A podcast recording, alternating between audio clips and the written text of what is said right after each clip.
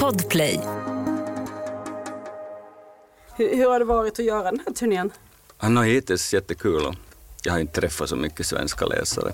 Men och det här att eh, hela tiden eh, ha sin bror med sig? Nå, tills vidare går det vi har ju skilda hotellrum så då funkar det. Ja. Liksom. Ja. Så att Okej. Annars skulle det kunna, annars skulle det kunna vara katastrof. Igår hade vi en ledig dag från varandra till Ja, exempel. Så att, vi gjorde helt olika saker. Vi gick till och med på bränna alla mina brev på olika biografer vid olika tider. Bilden på det, det är den svenska utgåvan som har fått den här. också den finlandssvenska, eller i Finland också har den samma. Det är samma Finsk, omslag. finska omslaget är sen annorlunda. Hur gamla är ni här? Du, Morten har just precis fyllt åtta och jag är nästan 14. Jag är liksom, det är den sommaren då jag fyller 14 men jag är 13 fortfarande.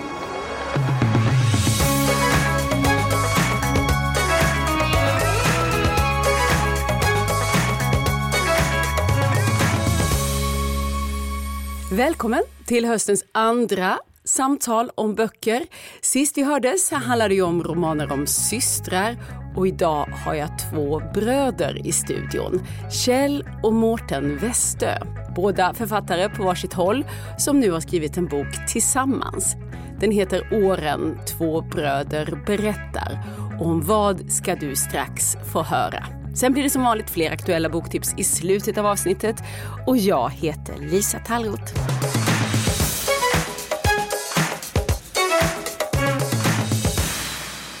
Välkomna hit, Kjell och Mårten Westö. Tack så mycket. Tackar, tackar. Ska man när det är bröder säga, är det okej då att man drar ihop det Kjell och Mårten Westö? Eller skulle jag säga, föredrar ni Kjell Westö och Mårten Nej, Westö? alltså, för min del kan du bara dra ihop det och Ja. säga efternamnet bara en gång. Det Jag håller med. För det brukar ju liksom indikera att man har något ihop. När Ja, man får nå, nu, har vi, nu har vi en bok ihop så att Ja. nu är det rimligt. Ja. Och en eh, barndom ihop också, men ni har ju sex år emellan er och det märker man att det finns minnen från lite olika episoder. Eh, men vi började prata om den här omslagsbilden där ni är 8 och 13, du på ditt 14, det ska fylla 14. Och här ser man ju, här ser man ju åldersskillnaden. Jag skulle säga mer än vad man kanske gör idag. För sex år kan ju betyda olika mycket i olika tider. Det är ju så att så som när man är ganska små barn fortfarande så betyder ju sex år mycket. Nå, Mårten har hela hösten när vi har framträtt så han betonar att det är fortfarande att han är mycket, mycket yngre än jag. Medan jag ju tycker att nu när vi är 61 och 55 så är vi ju samma generation. Men Mårten, vad, vad känner du inför den här bilden som nu är, är omslagsbild? Den här lille sexåringen, minns du honom? Jag minns nog honom ganska bra. Den där resan var på något sätt första resan till Sverige också. Det var lite magiskt. Jag tycker om den där på något sätt livsglädjen som den här bilden utstrålar. På, och på något sätt också det här att vi står framför, framför huset där vår pappa var krigsbarn då, Ja. långt innan. Så att det känns som en väldigt kolonial bild som passar väl ihop med innehållet i den här boken. Jag tänker. Det där stället i Småland var, liksom, det var jätteviktigt på sätt och vis i vår familj. För det är så att sedermera skilde sig Mårtens och mina föräldrar och pappa gifte om sig, fick en ny barnkull och också med den, med den familjen åkte han ner. Han höll alltså kontakt med, med Hasse och Märta hela livet. Och Märta blev närmare 100 tror jag, så att han var där ännu när hon var 90. Och, och till historien hör också det att när han var krigsbarn där i Ideshult, då fem mil in i landet västerut från Västervik, så trivdes han så bra att jag tror att det var så att han ville inte riktigt komma hem. Och Hasse och Märta som var väldigt fina människor, de gjorde så en grej att de bad farmor, som var eh, väldigt fattig materiellt, alltså hon, hon, hade, hon försörjde sig som sömmerska och kokerska, att komma över. Och så kom hon över till Småland och bodde där liksom en sommar med pappa och hans fosterföräldrar. Och då liksom blev pappa bekant med sin mamma igen och, och liksom var beredd att åka hem. Och, vi, vi tror att det där kanske var farmors enda utlandsresa i hela livet. Så det var nog, saker var ju väldigt dramatiska då under andra världskriget och genast efter. Det låter som en väldigt klok farmor. Jag tänker man har ju hört många uppslitande historier om de finska eh, krigsbarnen som var i Sverige och hur Ja. svårt det har varit att eh, återförenas med sina familjer. Ja, hon det, var- det var ganska, det var ganska, ja, det var ganska tabu, eller inte tabu men alltså det pratades inte heller om de problemen särskilt mycket så att egentligen de första böckerna böcker och forskning om, om finska krigsbarn i Sverige tror jag kom först på 80-talet. Det var Mm. väldigt, väldigt, Ja. väldigt sent. Och då lyft, lyftes de ju fram väldigt ofta, de här som hade alltså hamnat fel så att säga, och vantrivts i sina fosterfamiljer och blivit, kanske till och med blivit illa behandlade. Men pappa var ju då en av dem som alltså stortrivdes och hade under, alltså både farmor var klok och, och fosterföräldrarna Hasse och Märta var, var kloka så att det där det var liksom en, en vacker historia på, på väldigt många sätt. Som fortsatte också, jag kommer ihåg att pappa någon gång berättade att det måste ju ha varit Hasse och Märta kanske som skickade sen på 50-talet ännu att pappa fick, då, han bodde då i en liten österbottnisk stad som heter Jakobstad och han fick dit skickat Kläder från myggjagare, såna här spetsiga skor så att han var verkligen i ropet och kanske också lite föremål Ja. för avundsjuka i den här småstaden Och det där hände alltså ofta i Finland. Det kunde också hända att fosterföräldrarna i, i Sverige, det hände inte pappa, men de kunde skicka en cykel till sitt forna fosterbarn. Och en cykel i efterkrigstidens Finland var, det var lyx. Liksom. Så det fanns ganska ofta uppstod den här dynamiken att det, liksom någon som hade varit krigsbarn i Sverige fick gåvor därifrån. Eftersom Sverige var så mycket mer välmående så var det fina gåvor och i Finland hade vi ingenting och så blev de andra barnen jätteavundsjuka. Men grejen med det här är ju att pappa kunde ha blivit en av de vi kunde vara, som vi säger i Finland, rikssvenska, Mårten och jag, för att av de här 70 000 barnen som skickades över eller kom över, så 15 000 stannade ju och bildade familj och så blev det alltså svenskar av, deras, av dem och deras ättlingar. Och eftersom pappa trivdes så bra så hade inte både Hasse och Märta och farmor varit så kloka så kunde han ha blivit en av de 15 000 och så skulle vi ha vuxit upp i Stockholm istället för Helsingfors eller Ja, ja. Småland istället Skådespelaren för... Anna Takkanen har ju skrivit om Hon har skrivit mycket om detta, den ja. eh, Ja. erfarenheten. Hennes pappa blev ju kvar eh, och hon skildrar detta i Sörjen som blev. Eh, Precis. Den boken. Och jag tänker kriget är väldigt närvarande i era minnen. Nu pratar ni om en generation tillbaka men det förstår man när man läser åren att det har funnits närvarande även i er uppväxt och i er generation. Och eh, jag tänkte bara för att ge en bild av vad det är för bok. Det är 50 små nedslag ungefär, väldigt många. Det är korta avsnitt och ni varvar turas om. Eh, 25 att texter var. Föra Ja. pennan och ni rör er ganska fritt i, i tiden men vi går från, ja, från barndom fram till vuxenblivande och även, även en del nutid. Och sen har ni ju till synes väldigt mycket gemensamt i ert vuxna liv. Ni är ju båda författare och kulturpersonligheter i eh, Helsingfors där ni båda bor. Kjell, du är ju kanske lite mer känd för den svenska publiken men du Mårten har ju också en lång karriär som poet och kulturjournalist och översättare. Och hur, nu har ni varit ute på en turné. Men hur ser det ut i vardagen hemma i Helsingfors? Hur mycket finns ni i varandras liv då? Nu är vi, i och med att vi spelar i samma band och har gjort det nu i 13 år snart i ett streck så blir det ju eh, nog jättemycket. Vi har alltid haft en, ända sedan vi blev vuxna och bildat familjer ganska samtidigt. Det tror jag var ganska avgörande att vi alltid, våra Ja. barn har umgåtts och kusinerna står varandra också jättenära. Vi har så, två söner vardera och de som kusiner liksom, de umgås jättemycket. Så att en, en god och djup vänskap hade nog varit nästan hela vårt liv, ska Ja, jag det våga finns påstå. olika element. Alltså när vi växte upp, som vi redan konstaterade tidigare, så, så sex år är ju mycket när man är barn. Så man kan säga, och det syns kanske också i texterna, att vi hade liksom på många sätt en gemensam barndom, men också lite en, en skild barndom. Vår familjedynamik var till exempel helt annorlunda när Mårten kom in i tonåren än den var när jag var i tonåren eftersom det hade hunnit bli sämre mellan pappa och mamma och de sen skildes ganska snart. Ah, och då fanns det perioder då vi inte kände varandra så bra. Just när jag var på väg att bli vuxen och Morten var på väg att bli tonåring. Men sen Morten råkade gå i skola, alltså ett par stenkast från, från den gata där jag hade en studiely, alltså där jag bodde i en enrummare när jag studerade. Och det var då vi började känna varandra som liksom vuxna män i vardande, som någon av oss skriver i en av texterna. Och, och, det där. och sen kom då att vi startade ett band, band tillsammans eller spelade i samma band redan när vi var i 20-30-årsåldern. Vi fick barn ungefär samtidigt så vi liksom hade mycket gemensamt med det. Plus då att vår mamma var kroniskt depressiv och vi ganska tidigt fick ta ganska mycket ansvar för hennes liv. Så det är mycket, många saker som man svetsar ihop oss.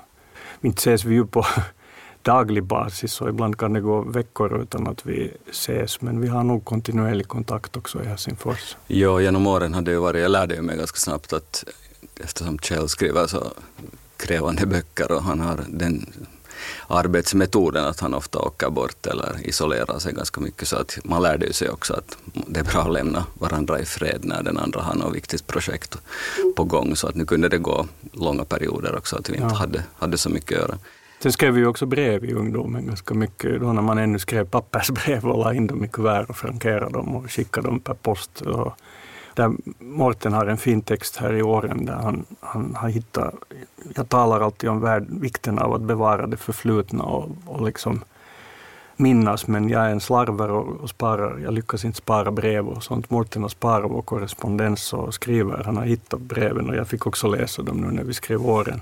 Och där ser man att våra brev på sent 80-tal och tidigt 90-tal, så de handlar mycket om just att vi båda hade blivit farsor och de här jäktiga småbarnsåren, och, men också mycket om skrivande. Och där ser man att nu fanns det ju spänningar när vi två bröder valde precis samma bana, men vi, vi kunde reda ut något. En konkurrens, ja absolut. Jag var ändå så pass mycket yngre och vi debuterade ju båda som ganska unga med den tiden som mått mätt, så att det kanske var ganska naturligt att Kjell också reagerade på att jag klampade in ganska burdust på hans revir. Ja, det gjorde du inte, men det var så för mig att det här skrivande och att jag liksom började syssla med konst och kultur, jag rörde mig mycket i, i musik, rockmusikkretsarna i Helsingfors också. Det hade lite att göra med det då när vi talar alltså om en period då jag var mellan 20 och 25 och Mårten var i tonåren och så blev han vuxen. Och, för mig var det där skrivande liksom, vi kom, vi hade, pappa hade gjort en klassresa så vi hade förvandlats från en strävsam, kanske till och med lägre medelklassfamilj till en övre medelklass, ganska välbärgad familj och vi hade också mycket religiositet i släkten i de här äldre generationerna. Jag revolterade mot allt det och ville fly. Och skrivande var min flykt, så det är klart att min första ryggmärgsreflex när jag märkte att oh fan, brorsan tänker göra samma sak, alltså välja samma bana, så blev jag lite rädd. Men vi hade den där förmågan redan som unga, alltså det slog nog gnistor emellanåt, men Ja, I breven kunde vi säga ganska tuffa saker till varandra, men sen gick vi alltid ut på en öl eller en kaffe och så kunde vi liksom ändå alltid reda ut allting. Ja, det är intressant med en sån här bok också, där man skriver om det förflutna. Den här aspekten på allvar gick antagligen upp för mig först när jag läste Kjells texter om hur han kom in i litterära världen och började skriva. Att jag hade inte förstått den här flyktaspekten på det sättet förrän faktiskt nu under arbetet med den här boken, så det var jättegivande. Hade du inte behov av den på samma sätt? Mm, bra fråga. Ja, jag hade behov på sätt och vis, eh, kanske mer en flykt från Finland, jag kände, vilket kommer fram i den här boken. också, att en, en enorm längtan ut i världen. Liksom, och, och kanske, men inte, inte på det sättet kanske så mycket från familjen i sig, men, men flykt ja absolut, för att Finland och Helsingfors var ganska instängt och, och klaustrofobiskt på 80-talet upplevde jag. Sen tror jag också att, att våra vägar in i litteraturen var på sätt och vis väldigt likadana. Alltså vi har både studerat journalistik en kort tid vid Journalisthögskolan, men utan att ta examen. Vi har båda jobbat som journalister som unga. Men det fanns också en olikhet. Jag jobbade som journalist eh, fram till nästan 30, alltså när jag redan hade gett ut böcker. Och och vid 25 års ålder hade jag liksom inte haft en tanke på att våga bli författare ännu. Jag hade sen publicerat lite dikter och noveller i olika studenttidningar och så. Och så var det en förläggare som ringde mig en vinterdag och sa att han hade läst någonting och så frågade han, har du tänkt på att skriva mer?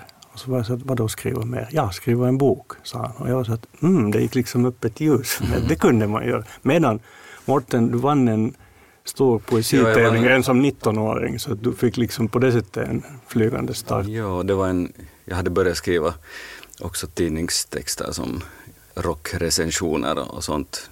Ja, ja. Så vad betyder det att se Kjell, att man kan skriva? Ja, ja det var jätte, absolut, det var ju jätteviktigt och, mm. och, det där att komma in via journalistiken just för det var liksom mindre pretentiöst på något sätt. Och även om det också var nervöst i början att skriva en tidningsartikel och säga sitt namn under texten så lärde man sig efterhand att oj, det var inte så farligt som man trodde. Och sen var det ju fint att få en massa inspiration. Jag kommer ihåg när Kjell flyttade till den här enrummaren, för innan dess när du bodde hemma hade jag ju kunnat komma och knycka skivor ur din LP-samling och det ja. var en gruvlig besvikelse när du flyttade hemifrån. Och sen när jag ja, fick tillgång till, ja. fick en nyckel till din lya så då kunde jag igen komma och norpa dina skivor. Det var trevligt och på samma sätt tips, tipsa Kjell om, om bra litteratur och böcker som gjorde att jag kanske blev lite mer brådmogen, eh, lite lillgammal när jag var i 16, 17, 18 års åldern. Så att. Det var faktiskt en jättekul grej, för att just i och med att jag bodde liksom precis bredvid Mortens skola och den tiden levde jag ett ganska rastlöst liv så jag kunde vara borta också på några diffusa och ganska bohemiska resor i, i veckor åtminstone. Och då gav jag nyckel åt Morten så han kunde komma och botanisera liksom bland skivorna och böckerna. Och sen började vi liksom prata om musik och prata om, om litteratur. Liksom, att det gick upp att inte var de här perioderna av spänningar långa och inte var de allvarliga heller, för jag tyckte mest av allt att det var jättekul att märka att den där lilla killen liksom höll på att bli vuxen och var en bra typ och var intresserad av samma saker som jag. Ja, lyckligtvis hade vi ganska likadan musiksmak. Men ni har ju ändå tilltal till varandra genom texterna i det att ni, ni skriver du Kjell och du Mårten. Ett poddtips från Podplay. I fallen jag aldrig glömmer djupdyker Hasse Aro i arbetet bakom några av Sveriges mest uppseendeväckande brottsutredningar. Går vi in med hemlig telefonavlyssning och, och då upplever vi att vi får en total förändring av hans beteende. Vad är det som händer nu? Vem är det som läcker? Och så säger han att jag är kriminell, jag har varit kriminell i hela mitt liv men att mörda ett barn, där går min gräns. Nya säsongen av Fallen jag aldrig glömmer på Podplay. Emellanåt. Eh, emellanåt ja, och eh, även om de inte nödvändigtvis hakar i varandra exakt eh, texterna så, så, tycker jag ändå att ni är inne en delvis i samma eh, frågor och undersöker samma minnen. Och, och vad, vad, vad tänker ni var poängen med att just göra detta ihop? Det var min idé och det hade nog delvis kanske att göra med att jag närmar mig 50-årsåldern och, och det där. Och också för att när jag lite bollade med tanken och nämnde den för några kollegor eller kompisar så folk fick en, en ganska konstig reaktion. Att oj, skulle ni skriva tillsammans att det kommer ju inte att funka, att ni kommer att bli ovänner och det kommer att gå verkligen snett. Men det där gjorde mig lite intresserad, att varför utgår folk från det automatiskt? Och sen började jag också lite tänka att det har funnits en massa finlandssvenska skrivande bröder i litteraturhistoria, men ingen mig veterligen hade skrivit en bok ihop. Och jag hade själv jobbat tidigare, jag har skrivit flera böcker ihop med andra människor och alltid tyckt att det har varit jättegivande. Mårten lärde sig samarbeta mycket tidigare än jag. Ja, så det var liksom utgångspunkten. Och sen kastade jag fram för kanske fem år sedan idén för Kjell och, och uh, lyckligtvis snappade du på den ganska snabbt. Jag reagerade först så där, minst första kvällen, jag tror vi hade varit druckit en kopp kaffe på något café och så kastade Mårten fram idén och jag var min första reaktion var liksom blandad. Det var så att yes, jättebra idé, men sen kom det också en sån här beroende just kanske på att ingen, vi upplevde liksom att när vi sökte i, vår, i minne så kom ingendera av oss två på att det skulle finnas en sån här bok, trots att det har funnits brödraskaror, bröderna Parland, bröderna Enkel, bröderna Ågren liksom i finlandssvensk litteratur. Så jag blev lite rädd också, ska man faktiskt göra så? kanske finns en anledning till att ingen har ja, gett sig på typ. det här. Men så sov jag liksom typ en natt på saken och sen följande dagen var så att, att yes, att det är precis tvärtom, att, att vi är galna om vi inte gör det här. När vi nu valde båda det här konstiga yrket och har stannat i det dessutom hela livet eller i årtionden. Så jag blev, jag blev jättetänd på idén och, och det, det finns viktiga poänger här. En viktig poäng är det att skriva tillsammans låter sådär som man skulle sitta på varsin sida om samma skrivbord och liksom skriva texterna tillsammans. Men alltså, vi har ju skrivit helt för oss själva och vi band inte tematiken eller motiven. Vi satt aldrig på kaffe och funderade vad får vi skriva om, vad får vi inte skriva om. Det enda vi bestämde var att texterna skulle vara korta. Så hade vi idén tidigt att boken ska heta Åren. Nå, vi visste ju att vi tog en risk, alltså, för det fanns Annie Ernaux bok Les années men man tenderar som människa att tänka att risker inte ska realiseras och nu realiserades den och vi har tyvärr en bok som heter likadant som den senaste nobelpristagarens. kanske mest kanske inte är helt fel. Ja, men lite, lite genant. Men vi satt, men... jag kommer ihåg att vi satt då på ett möte så satt vi att, att vi hade läst just om Annie Ernaux och jag tycker mycket om henne som författare och, och då satt vi och spekulerade att vågar vi kalla henne, bara, tänk om hon får Nobelpriset. och så, du sa nej, nej, det kommer nog inte att hända. Mm. Det, det Åtminstone inte samma år. Men jag ville säga en sak till om det här och det, och det är kanske det att det är jätteviktigt också att påpeka, vi, vi bestämde tidigt att vi får tilltala varandra, för det finns liksom gemensamma erfarenheter där det vore konstigt om vi båda på varsitt håll skrev om dem utan att nämna den mm. andra. Därav detta du Kjell, du Mårten som finns i boken. Men det är jätteviktigt att betona att det är ju ingen brevväxlingsbok. För det har vi märkt både i, hemma i Finland ett par gånger och sen dessvärre i en recension i en av de stora Stockholmstidningarna att så fort folk börjar uppfatta de här som brev så går det fel. För har man en riktig brevväxlingsbok så kommenterar man ju varandras texter. Så när någon tar upp ett tema så kontrar den andra och nej det var inte så eller så här tycker jag om den här frågan. Men det här är inte en brevväxlingsbok. Det är en bok där vi med hjälp av ett slags mini-essäer eller våra egna berättelser liksom försöker bygga. Var och en på sitt håll men också då i och med att det är inom samma pärmar gemensamt eh, så försöker vi ge en bild av liksom den här tiden vi har levt då från sent 60-tal till, till nu. Och var det då ett aktivt beslut att vi ska inte ha mer eh, dialog än så här? Varför ja, inte? Jag skulle säga att det var det. Nu var det så jag också. Jag, jag tror för att båda var och Kjell hade just dessutom skrivit en brevbok med en finsk kollega. För tre år sedan bara. Ja. Juha Itkonen, så det kändes naturligt att det ska absolut inte, inte bli brev. Men, men det intressanta är just att de där sex årens uh, skillnad så gör texterna intressanta så tillvida att, att vi skriver lite om olika minnen. Jag tror att de som ställde sig lite skeptiska till det när jag pratade med mina vänner var just det här, och den frågan har vi fått när vi har uppträtt också, att att ser ni på samma sätt på, på era minnen? Skriver ni liksom olika grejer om, om, om samma, samma om samma sak, samma skeende? Men vi har inte så mycket sådana från barndomen utan det utkristalliserar sig ganska snabbt att båda skriver om lite olika saker och olika epoker. Att, till exempel tidigt 70-tal, jag var ju så liten då så jag kommer inte ihåg hur Helsingfors såg ut eller hur, hur Finland var på den tiden. Men, så, så, ja. så det var jättegivande också att ta del av den epoken. Du hänvisar eh, i ett av dina stycken till, eller du påminner Kjell om att om det då är du som egentligen har först använt det här begreppet emotionellt eh, klanglandskap, ett slags eh, ursprungssound från de tidigaste barndomsåren och att ni då bär lite olika sound. Kan du förklara vad betyder det här att ha ett emotionellt klanglandskap för, no, dig? För mig är det ganska kopplat nog till, till skrivande på något sätt för att mycket nog av mina Eh, dels hämtar jag inspiration i det här fallet när jag jobbar med de här texterna från lite gamla fotografier och sånt, men väldigt mycket hittar jag in i texter och tematik via, via musik. Och, och där har jag ju, som jag sa den tidigare, att mycket av min tidiga mitt tidiga musiklyssnande kom förstås via min storebror och hans kompisar och den vägen fick jag inblick i, i den nya popmusiken och, och rocken och sådär båda jobbar vi också i tonåren och senare som skivförsäljare på sommaren och sådär. Så att, så att den världen har varit jätteviktig. Så att den är fort, ja. fortfarande... Vår, far, vår farsa var skivbolagsman. Ingen av våra föräldrar var liksom utövande musiker eller ens särskilt sjungande eller spelande av sig. Men vi var liksom jättenära musiken i och med att pappas hela yrkesliv utspelades i musikvärlden. Du beskriver ditt eh, emotionella klanglandskap som lite annorlunda där från de tidiga åren, mm. Kjell.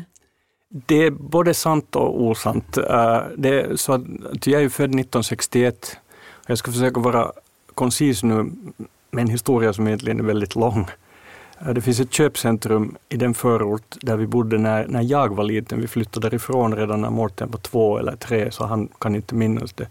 Men det köpcentrumet var ett av Helsingfors och Finlands första och det är byggt liksom ungefär 1960. Och fortfarande när man går där, de vet om sin historia. Jag har flyttat på sätt och vis tillbaka dit för min fru bor där i närheten nu. Så när jag går i det köpcentret så spelar de alltså det som kallades ståltrådsmusik, alltså The Shadows och Cliff Richard och sånt här från tidigt 60-tal. Och det är som en tidsmaskin. Det är liksom när jag går där, det ser likadant ut som 1966 när jag var fem år och vi just hade flyttat dit och det låter likadant. Så jag har delvis så ekande finska tangon från tidigt 60-tal och just den här The Shadows, alltså sån här uh, musik med jättemycket eko på gitarrerna, gitarrinstrumentalen. Men nu har jag ju sen också, liksom Morten skriver i en fin text om han har mång, många liksom formativa musikupplevelser som är typ 71, 72. Du har ju lyssnat på dem i efterhand eftersom 1971 var du bara fyra år. Men jag har nog delvis samma att vi har delvis olika, vad ska man kalla det, emotionellt klanglandskap och delvis säkert samma. Annars skulle vi inte kunna spela i samma band om vi hade helt Stämmer. motsatta kärlekar i musiken. Ja, men jag tänker att det är intressant att ni har, tycks vara så införstådda med att, att man kan ha olika emotionella klanglandskap som ni beskriver. För jag tänker att annars att det är en väldigt vanlig, typisk eh, källa till syskonkonflikter. Att man har det här vem ska ha tolkningsföreträde för det gemensamma liv vi en gång hade eller hur våra föräldrar har varit eller hur korten har fallit ut i våra liv. Det skulle, kanske vara, det skulle kanske vara tuffare om vi skulle ha typ bara två års åldersskillnad för då skulle vi ha legat liksom så nära varandra också i barndomen i upplevelser. Och sen tror jag också det att vi har väldigt olika temperament Mårten och jag men vi har också många likheter. Och, och vi har nog formats av det att vårt hem var lite speciellt just på det sättet att mamma då led av kronisk depression och vi mm. liksom måste liksom det här att anpassa sig till att andra människor är inte som man själv och man kan inte alltid bara lägga sin egen tolkning eller sitt eget tolkningsraster först, utan man måste liksom kolla in rummet och kolla in läget. Hur, vad tänker andra idag? Hur mår andra idag? Jag skulle vilja läsa en liten bit eh, från ett stycke du skriver Kjell om när det har dykt upp en film från en släkting. Och den här eh, daterar du till sommaren 67 och du skriver så här att vi är en svartvit efterkrigsfamilj där de vuxna försöker dölja sin skörhet och oro så gott det går. Och lite längre fram skriver du att ingen, inte ens mamma själv, inte pappa, inte mormor, inte någon annan heller orkade vara öppen om det mörka stråk som fanns strax under vår familjs allt mer välbeställda yta. Och när vi blev vuxna måste vi bröder fråga flitigt för att få veta hur det varit. Det här mörka stråket, hur har du eh, uppfattat det Mårten? Jag tänker som jag skriver i den här texten om tidiga musikupplevelser, att det som fastnat i mig och som jag har som vuxen upplevt när jag har hört några av de här tidiga 70-talslåtarna är nog att jag har fastnat för de ganska glättiga, ljusa sångerna. Mamma hade ju sen en stor kärlek till Edith Piaf, eller så spelades det bossa nova hemma hos oss. Det var lite i ropet tror jag i slutet av 60 och början av 70-talet. Och mycket klassiskt ja. också. Så, att, så att definitivt hade, hade det här stråket påverkat. Så det, det är kanske någonting som är så undermedvetet också, att som kan poppa upp liksom i bakhuvudet när man skriver och går in i de här gamla, gamla känslorna. Hur, för jag blev ju ensam sen med mamma när jag var i tonåren och fick liksom uppleva det på ganska nära håll hur det, hur det var att leva med en, med en människa som inte alltid steg upp ur sängen eller, eller på det sättet var, var närvarande i vardagen. Så det är klart att, att det har påverkat. Jag har nog alltid, alltid tänkt att Morten, att du har räddats av att du har en ganska ljus disposition. Du har en förmåga liksom att se de ljusa sakerna och välja liksom att betona dem, vilket säkert när du har då som tonåring blivit ensam med mamma har liksom varit viktigt för dig. Fast jag vill inte alls här undervärdera den ångest och melankoli du också måste ha känt. Men jag, jag var mer jag hade svårt att hantera det där mörkret då som ung, att jag flydde, flydde emellanåt på ett mentalt plan ganska långt. Ja, hur blev det då för dig Morten? Du hade ju ändå en bror som du ni egentligen båda skulle kunna bära den här bördan. Ja, absolut. Och det är det som jag också skriver på ett ställe, att som barn uppfattar man ju inte, okej okay, man ser hur andra familjer är och beter sig när man hälsar på kompisar och sådär, men ändå den egna familjen är sån som den alltid har varit. Allting smått liksom. Allting smått. Och bara, jag kommer ihåg när föräldrarna skilde sig så jag blev jätte, jätte överraskad för att inte, inte hade jag sett det på det sättet. Man var ju så inne i sin egen värld som 12-13-åring så att inte var det någonting som man funderade på utan man fokuserade på sitt eget. Lyckligtvis. Lyckligtvis som barn. Du hade ju fotboll, Mårten var ja. begåvad fotbollsspelare och satsade mycket på det. Så sånt där räddar ju en liksom. Mm. Men jag minns nog att vi hade ju det väldigt tyst hemma hos oss alltid, alltså vid matbordet. Liksom. Och jag minns när jag fick en nära kompis i tioårsåldern och så minns jag ännu när jag började sällskapa då som 16-åring med en tjej då som kom från ett jättelivligt hem där de liksom debatterade och liksom debattens vågor gick höga vid matbordet. Jag, ma ja. Mamma var franskspråkig schweiziska så det var liksom, och jag var så att, åh herregud, kan det vara så här? liksom på, på gott och ont förstås, men nog mest på gott i det skedet att jag mådde jättebra av att se den där livligheten liksom på, på andra håll. Men kanske det disponerar en för en sorts introspektion också som ledde till att man började skriva ganska mm. tidigt, att man ville formulera något eh, som låg under. Poddtips från Podplay. I podden Något Kaiko garanterar östgötarna Brutti och jag, Davva, dig en stor dos skratt. Där följer jag pladask för köttätandet igen. Man är lite som en jävla vampyr. Man har fått lite blodsmak och då måste man ha mer. Udda spaningar, fängslande anekdoter och en och annan arg rant.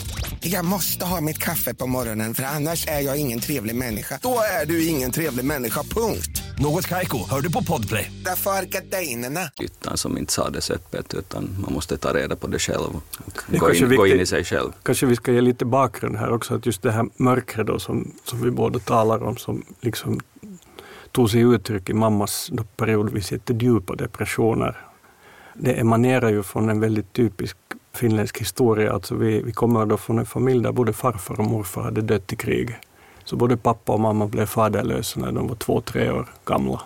Och eh, i mammas fall så var det så att när, när morfar dog skjuten av en rysk prickskytt eh, i augusti 1941 så hade mamma två månader tidigare fått en lillabrorsa. Som då den här pappan, jag tror att han han se honom och så åkte han ut till fronten och så kom han väl typ aldrig tillbaka. Och det här kom liksom mamma aldrig över. Att hon gick ju sen i psykoanalys och hon gick i terapi och, och, och jag har alltid tänkt att det var den här samtidigheten, att mista sin far samtidigt som hon har fått ett syskon, det vill säga en konkurrent som hon liksom aldrig, hennes psyke lärde sig aldrig hantera det. Så att hon hade, hon hade den här försvunna pappans sista brev från fronten liksom uppnålat på väggen ännu på äldreboende. Liksom. Och vi försökte med Morten säga att mamma det här är 70 år sedan, liksom, att du måste släppa det, men hon kunde inte släppa det. Det här är ju väldigt intressant med att läsa åren för mig då som kommer från ett helt svenskt perspektiv. Och att förstå hur krigen, det var ju flera stycken eh, under hela det första halvan av 1900-talet, hur det eh, präglar familjer och hela, sam- hela det finska och finlandssvenska samhället.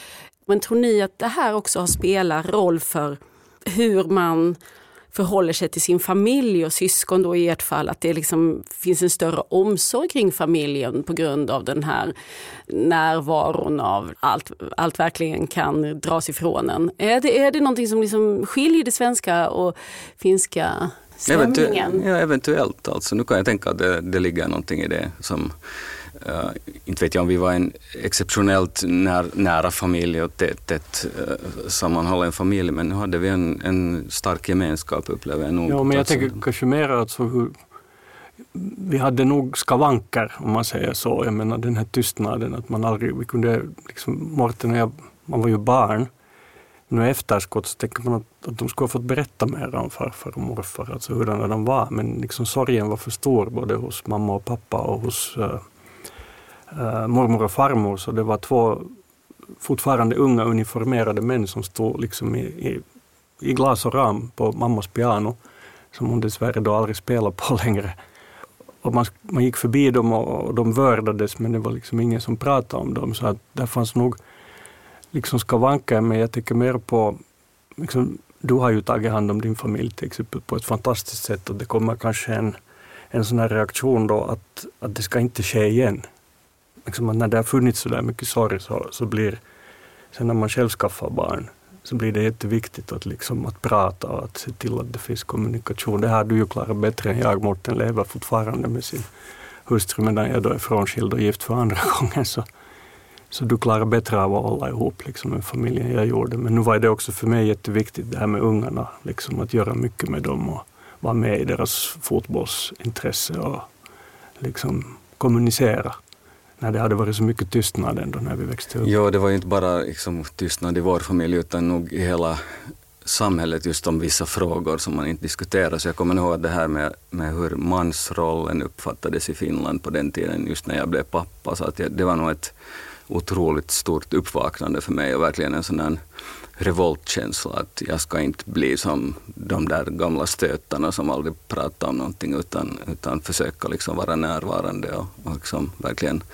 ställa upp. Så, att, så på det stället var det, var, det en, var det en stor grej. Och nu ser man ju på, på mina barns generation att åtminstone papporna är helt på ett annat sätt närvarande med sina barn. Än, än man. Jag tänker ofta på 70-talet när man hade, jag till exempel spelat fotboll hela min ungdom och, och vi kommer från en fotbollsälskande familj men jag tror min mamma var säga en match som jag spelade under alla de åren. Och jag undrar om pappa var och tittade på en enda match. Jag och jag var ju aldrig och tittade på Inte det. ens min bror som är en, en stort, ett stort fotbollsfan var och tittade. Nej, men det beror på att precis då när Morten hade sin karriär och var duktig och fas i mitt liv då jag levde på nätterna och jag gick på de här klubbarna som fanns i början av 80-talet där alla hade vitmålade ansikten och svartmålade läppar. Och liksom jag var, jag, Det var inte jag, det att du hade svårt att ta fra, hans framgångar på planen? Nej, det tror jag inte. Utan jag hade liksom, Handen på hjärtat nu. handen på hjärtat, jag tror inte det. För att jag hade liksom lämnat, jag trodde jag hade lämnat allt det där bakom mig. Sen gick det ju inte många år så började jag älska fotboll igen.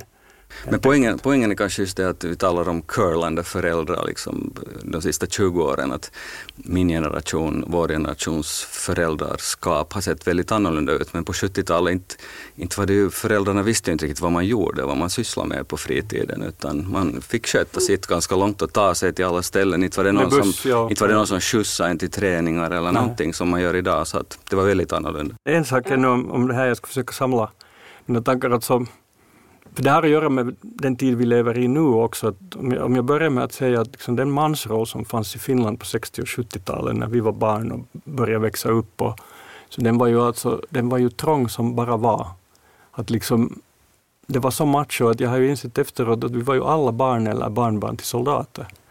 Och, liksom, och just som Morten här redan sa, jag har också tyckt att det har varit underbart att titta på mina söner, hur de kan kramas med sina kompisar. Liksom, och de har en helt annan liksom, närhet till sina egna känslor. Medan mansrollen då när jag var tonåring på 70-talet, om en kompis hade haft en familjetragedi, mist en förälder eller någonting, så man fick liksom hålla handen på ena axeln två sekunder och säga liksom att eh, keep calm and carry on.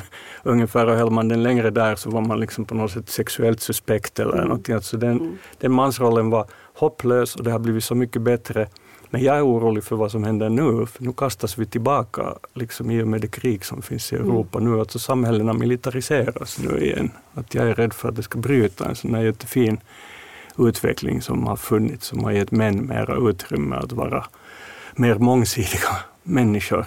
För vi vet ju då som finländare, alltså vad, just med den här släkterfarenheten vi har, Morten och jag, alltså ett krig glöms inte på en generation eller två. Alltså det sätter alltså prägel på och spår i människorna i många generationer. Och det är liksom ukrainarna kommer inte att glömma på många, många generationer det som händer nu. När man ser det i finsk kvällspress överhuvudtaget i massmedia kanske att militärexperter är verkligen i ropen. Det skulle jag nog våga påstå mera än i Sverige om jag Ännu mer, jämför, ja. om jag jämför tidnings, tidning, så att det dagligen uttalar sig olika experter om militära frågor på ett sätt som vi inte hade kunnat tänka oss för fem år sedan. Det här väcker så sätt. mycket, liksom det är så många gamla trauman som kommer till ytan i Finland. Liksom det här för att liksom vår relation genom århundradena med Ryssland, alla invasionsförsök de har gjort och så där, så det, det väcker, allt, allt kommer till ytan igen. Men jag tänkte, ni lyckades ju då hitta en brygga eller en väg ur den här tystnaden genom att skriva, inte bara för er själva utan också till varandra. För vad skulle ni säga skiljer kontakten eller dialogen man har om man har den skriftligt eller om man liksom bara försöker prata sig igenom Jag saker kan säga helt klart, som jag upplevde det i slutet på 80-talet, att det var ett tillfälle att få prata till punkt och säga mina saker. För Kjell har alltid varit väldigt intensiv och mycket mer pratsam än jag. Ja, och bra impulsiv På, och impulsiv. du, ja. Så att det var skönt att skriva ett brev på 30 sidor och få säga allt vad, allt vad man hade på hjärtat och sen vänta på hans svar som var minst lika långt som om inte längre. Jag var nog kanske till och med lite av en energitjuv när jag var ung. Jag tänkte alltid, eller senare, jag tänkte att jag nog kanske på något sätt har ärvt mer dessvärre av mammas tungsinne än du. För du sa någon, när vi gick ut som unga, då när vi var småbarnsfarsor och var mycket oro, så jag minns att du någon sa efteråt att det, det är alltid kul att träffas men jag var liksom så intensiv i mitt prat att du var helt liksom utpumpad efteråt och behövde få vila från mig En i vecka veckor. efteråt. Ja, precis. Ja. Men eh, hade ni kunnat skriva, alltså den kontaktlösheten som då fanns, eller tystnaden som fanns i familjen, hade ni kunnat skriva till mamma eller pappa? Vi skrev nog, jag skrev till alla, jag började skriva väldigt mycket brev med min nuvarande fru. När vi träffades 1988 så var första, vår bästa kommunikation var väldigt länge att vi skrev brev för vi bodde i olika städer. Så att på det sättet, och det tog jag vidare sen så att jag skrev nog brev till, i synnerhet till pappa i tiden, ganska jobbiga brev också tror jag, det där när, när han hade bildat ny familj. Och det hjälpte nog också att vi hittade en, snabbt en, en kommunikation och han kunde svara. Och mm. Det blev på det en givande dialog där också. Så att jag, jag verkligen jag hoppas att folk skriver gammaldags brev fortfarande för det är fantastiskt att se dem 30 år senare, vad man har tänkt och vad man har tyckt. Handlar det om att man vågar skriva andra saker än man vågar säga? Har det varit så för er? För mig var det definitivt nog ja, så. Ja. ja.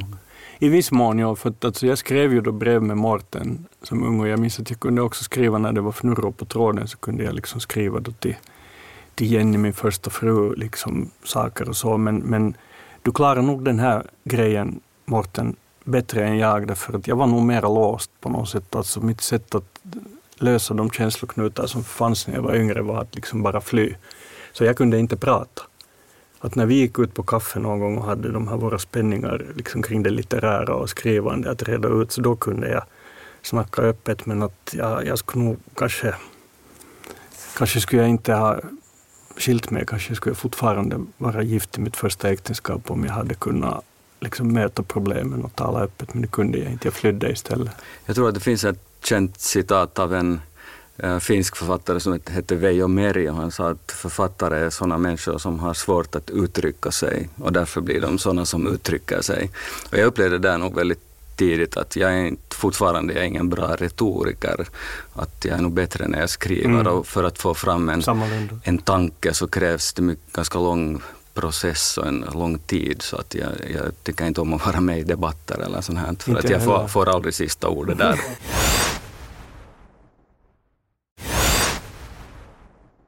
stilmässigt, språkmässigt i boken här, åren. Jag tänker att, det, att ni skriver ganska lika. Eh, är det, är det okej okay att säga det? Håller ni med? Eller?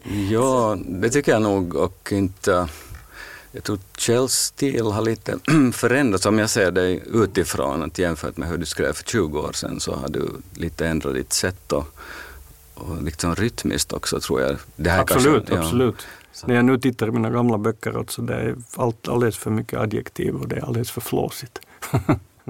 Spelade det någon roll? Hade du hellre velat att det var otroligt tydligt eh, vilka kapitel som var Mårtens? Nej, men jag tyckte när vi läste in den som ljudbok så tänkte jag att det är viktigt att vi säger före varje kapitel ja. att nu är det Mårten som läser och det här är Kjells text och vice versa. Så att på det sättet, men det är nog inte någonting som jag har tänkt på desto mer. Jag, jag tycker att i vår prosakonst i övrigt, kanske mina noveller och om man jämför med, med Kjells novellistik till exempel, så är vi ganska olika. Att jag, har en, jag, nog, jag har en mer intensiv rytm och på något sätt strävar efter en, en sån andning som är ganska and, andfådd och intensiv. Så att, så där, ja, men jag har också förändrats. Du har det? det ja. ja. att jag hade nog den här målsättningen att emellanåt vara andfådd också när jag var yngre och nu när jag äldre så söker jag nog jättemycket att skala av, liksom, och bara, att bara kärnan ska bli kvar. Också när jag skriver månghundrasidiga romaner. Var det några farhågor där kring att starta det här gemensamma skrivandet som slog in? Alla som spådde att ni skulle bli osams? Nej, det har nog varit en jättefin och ganska smärt, inte smärtsam process utan väldigt ganska smidigt, tycker jag. Mm. Att vi har, men vi har kunnat prata om allt också och fundera på hur vi ska göra. Och, Själva processen var, den, det är klart att den gick djupt också. Alltså det fanns ju, säkert var det likadant för dig Mårten, alltså vissa av mina texter det blev så hudlöst emellanåt så att, att det, det, kunde nog vara smärtsamt att skriva texterna också då när man satt ensam och skrev dem. Men vårt samarbete när vi skickade texter till varandra och kommenterade dem, det var en jättelustfylld process. Alltså det var ännu jag frestas att använda ordet roligare alltså än jag hade väntat mig. Sen snackade vi innan boken skulle komma ut, det som är jätteviktigt när man gör en sån här sak tillsammans, att man, man liksom måste stå obrottsligt lojalt sida vid sida bakom projektet. Då när det, det har kommit enstaka texter där, jag säger inte att skribenten försöker slå in en kil mellan oss, men, men alla sådana här att att jag tycker Morten skriver jättebra men Kjell är liksom lite dålig här. Så sånt, sånt, måste vi, sånt får vi inte liksom trilla dit på. Att ah, nu berömmer de mig och liksom inte brorsan utan det är jätteviktigt liksom att det här är vår gemensamma bok. Men projektet kom igång ganska, Kjell skrev de första texterna före mig. Han började jobba med texterna kanske en, två, tre, fyra månader innan, innan jag var klar med min förra bok. Så att han slog Mårten an, höll på med en bok och jag Ja. hade blivit färdig med romanen Tritonus därav. så att han slog an en ton som var väldigt ganska liksom, överraskade mig på det sättet. Det var väldigt personligt genast från första texten. Så att om jag är helt ärlig hade jag kanske tänkt att bokens texter för mitt vidkommande skulle ha varit mer liksom, klassisk essayistik där jag skriver om något visst fråga eller något. Så att nu blev det på ett bra sätt måste jag också verkligen skriva personligt och självutlämnande som jag inte kanske har gjort tidigare så här öppet utan förvisso i fiktionens form men inte, inte så här i, i det självbiografiska på det här sättet. Man måste inte läsa det här från början till slut. Man kan Man hoppa in och ut och man kan betrakta den som också delvis eh, självständiga små, små texter. Och, ehm, om ni skulle välja varsin eh, favorit som den andra har skrivit. Har du Kjell någon av Mårtens texter som, du, som har Mm. berört dig eller som du tycker är... Ja, jag har nog en, alltså, där är jättemånga fina texter av Mårten, men han har en, Mårten har ju en jättestark liksom, lyrisk ådra.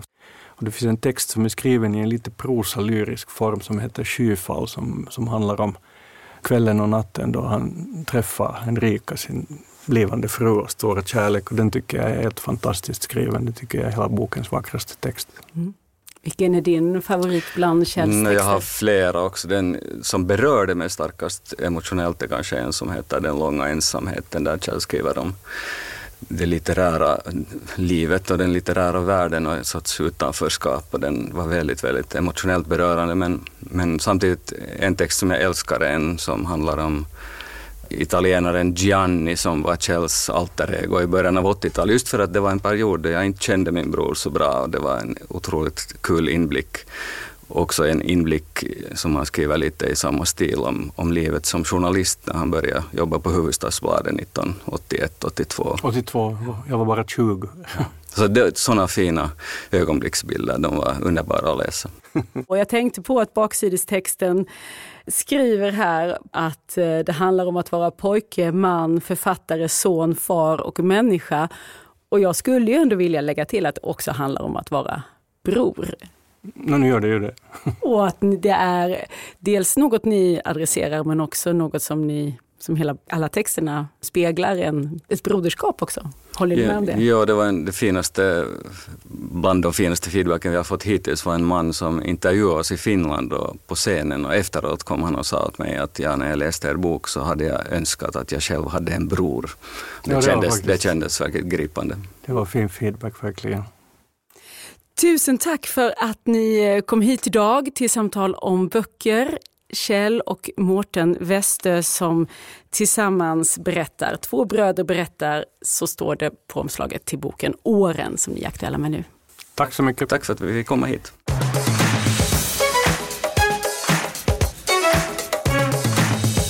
Vilken boksäsong det är. Du har, Karin Isaksson, tagit med dig två stycken som jag vet att ni också då har tänt på och tänker att fler ska läsa. Du är redaktör för Bokklubben, Bookie. Ni kallar er inte bokklubb kanske? Prenumerationstjänst säger vi. Ja. Där vi väljer ut fem böcker varje månad. Eh, och det kan vara allt från bästsäljare till smala ja, debutanter till exempel som är helt okända. Mm. Men de ska ha något extra som vi tycker är bra. Och det är väl för att man ska kunna liksom sondera terrängen lite i bokfloden. Det tackar vi för och det är ju då, då ligger det två sådana här utvalda böcker nu framför oss som du ska få berätta om. Det är Claire Lombardos En lyckligare tid och det är Linda Segnan, Hur- Ja, jag tror att man säger så. Ja. Åttonde huset. Ja. Men du får börja berätta om den här, det är en amerikansk bok, En lyckligare tid. Kärleksbarn till Jonathan Franzen och Ann Tyler har eh, The Guardian eh, sagt och det står på omslaget och det låter ju lovande. Ja, det är lovande. Nej, men det är jätteimponerande att det här är en debut, tycker jag också. Det är för alla oss som älskar relationer så får man verkligen ett lystmäte här. För det är liksom ja, relationer gentemot föräldrar, systrar, som ni har pratat om nyligen, syskon, och eh, kärleksrelationer också då såklart. Och det börjar liksom med att eh, David och Marilyn träffas på 70-talet och sen kommer vi till nutid när vi får följa deras fyra vuxna döttrar. När de kämpar med ja, identitet, kärlek, förlust, sorg, det som är livet. Kan man väl säga. Och alla har ju sina livslögner och hemligheter. Och man kan säga att berättelsen liksom triggas igång när det dyker upp en hemlig son till en av de här döttrarna. Hon födde en, ett barn i hemlighet när hon var 19 och han är nu 15. Och av olika anledningar har han dykt upp nu. De har aldrig haft någon kontakt. Och hon är väldigt mån om att liksom, ha det perfekta livet. Så det passar liksom inte in i hennes fasadbygge att det kommer en, en finnig tonåring när hon har sin framgångsrika man med fint hus och två små barn. Han blir en katalysator som triggar igång olika processer hos olika familjemedlemmar. Och det är, Violet är ju knappast ensam om att ha hemligheter här. Utan alla i familjen har sina liksom, livslögner och hemligheter. Sånt går jag igång på. Och jag är bara nyfiken också, var utspelar den sig? I Chicago i USA. Okej, det är så här lite välbärgat förortsområde låter det som. Precis. Claire Lombardo, En lyckligare tid alltså. Och det är, hon var debutant och det är också den här andra Linda Segtan, men hon är svenska. Precis, och det är liksom en mix av true crime, dagbok ja, och roman. Och sen lite det här kusligheten hos Maria Gripe. Det är originellt och det är en häftig mix tänker jag också som debutant att få en så tydlig röst som jag tycker att hon har i den här. I centrum står då ett gammalt, gammalt mordfall kan man säga. Det är Birgitta som 1948 när hon var nio år hittades mördad i Perstorp. Och av en slump ser Linda, författaren då, den här notisen i, i en gammal tidning. Hon tycker nästan känns som att de liksom får en kontakt ungefär som att Birgitta uppmanar henne att söka reda på sanningen. Och hon blir besatt av det här och eh, börjar gräva i arkiv, läser polisutredningar, kontaktar folk i Perstorp, kontaktar Birgittas bror som fortfarande lever. Mm. Och det är alltså den, den verkliga Linda Segtan du pratar om nu, ja. inte en romankaraktär? Nej, precis. Nej, det är hon själv mm. som gör det. Eh, och true crime kan ju ibland bli liksom oempatiskt, tycker jag. Att man kanske, det är någons livstrauma så blir det liksom spänning av det. kan ju bli osmakligt. Men här, hon gör det så fint verkligen. Det är, här är tvärtom. Det är bara så empatiskt och varmt hur hon eh, närmar sig Birgitta och det som har hänt. Och hon har även så ett öppet sinne för det okända kan man säga. Och det händer lite mystiska, oförklarliga saker, bland annat med tarotkort. Mm. Då fick jag faktiskt ståpäls. det är, så här, det är på riktigt. Den, den, är så, hela den här boken är så berörande. Man, man, den liksom känns i hela kroppen tycker jag när man läser.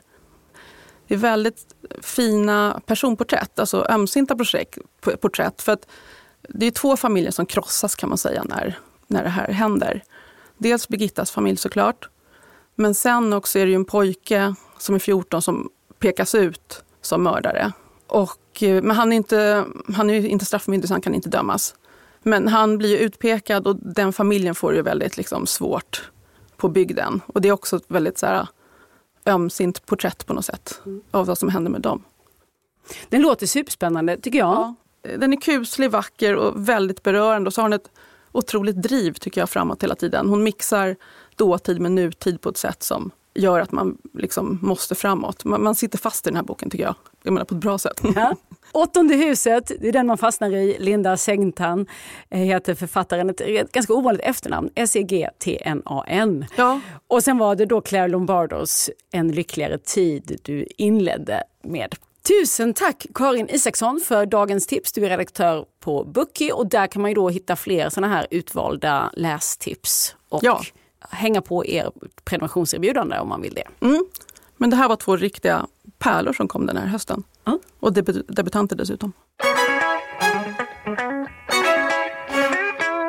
Det var allt för idag. Jag hoppas att vi hörs snart igen. Du kan förstås fortfarande lyssna på alla tidigare avsnitt av Samtal om böcker och följa oss i sociala medier. Där heter vi Selma Stories. Jag heter Lisa Tallroth. Hej då! Har lyssnat på Samtal om böcker, en podd från Selma Stories.